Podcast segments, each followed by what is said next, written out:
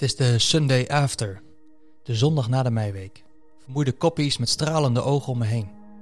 Hoe was het? Ontzettend mooi. Ik had het voor geen goud willen missen. Maar wat ben ik moe.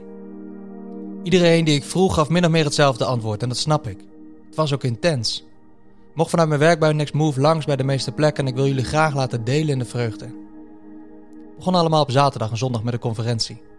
Ik weet niet of ik geloof dat wat er allemaal gebeurde als ik het niet zelf zou zien. Zo'n 80 jongeren die in twee dagen zulke grote sprongen in geloof zetten. Voor de een was dat voor het eerst meedoen, voor een ander voor het eerst hardop bidden. Voor veel was het ook profiteren en genezing uitspreken in de naam van Jezus. En halleluja, wat heeft God veel gegeven.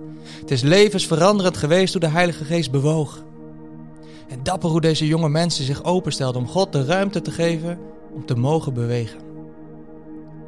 Op acht verschillende plekken in Nederland, waarvan drie uit onze kerk, trokken ze in de meiweek ten strijde. Ochtends voorbereid in gebed, aanbidding en onderwijs uit het woord om smiddags en s avonds de wijk in te trekken. Maria deed de oproep om te komen kijken twee weken geleden. Heb jij er gehoor aan gegeven? Ik was er maandagmiddag direct even. Hoewel er langzaam op gang kwam, was iedereen onverminderd enthousiast.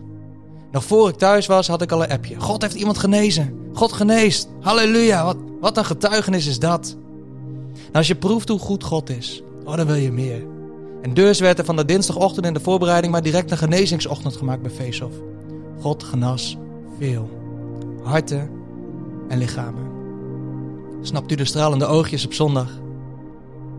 Dinsdag mocht ik op bezoek bij Isaac Wolters en hij sport wekelijks met Overstag in Leeuwenborg en deed ook mee in de meiweek.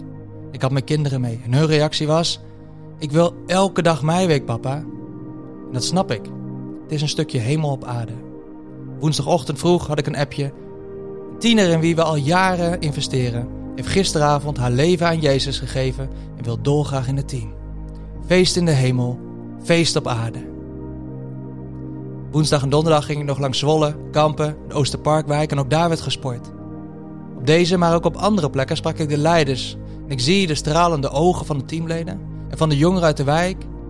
Maar ik hoor ook de moeite en het harde werken van de leiders.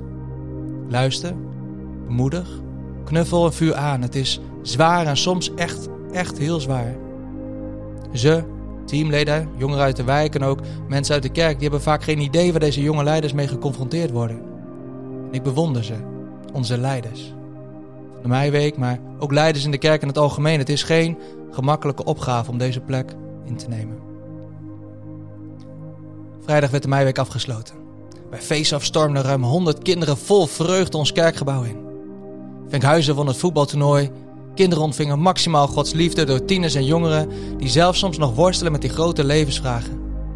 Maar dat God bestaat, van hen houdt en hen wil gebruiken in zijn koninkrijk? Nee, nee, dat is geen vraag meer. Die vraag is na deze week beantwoord en bevestigd.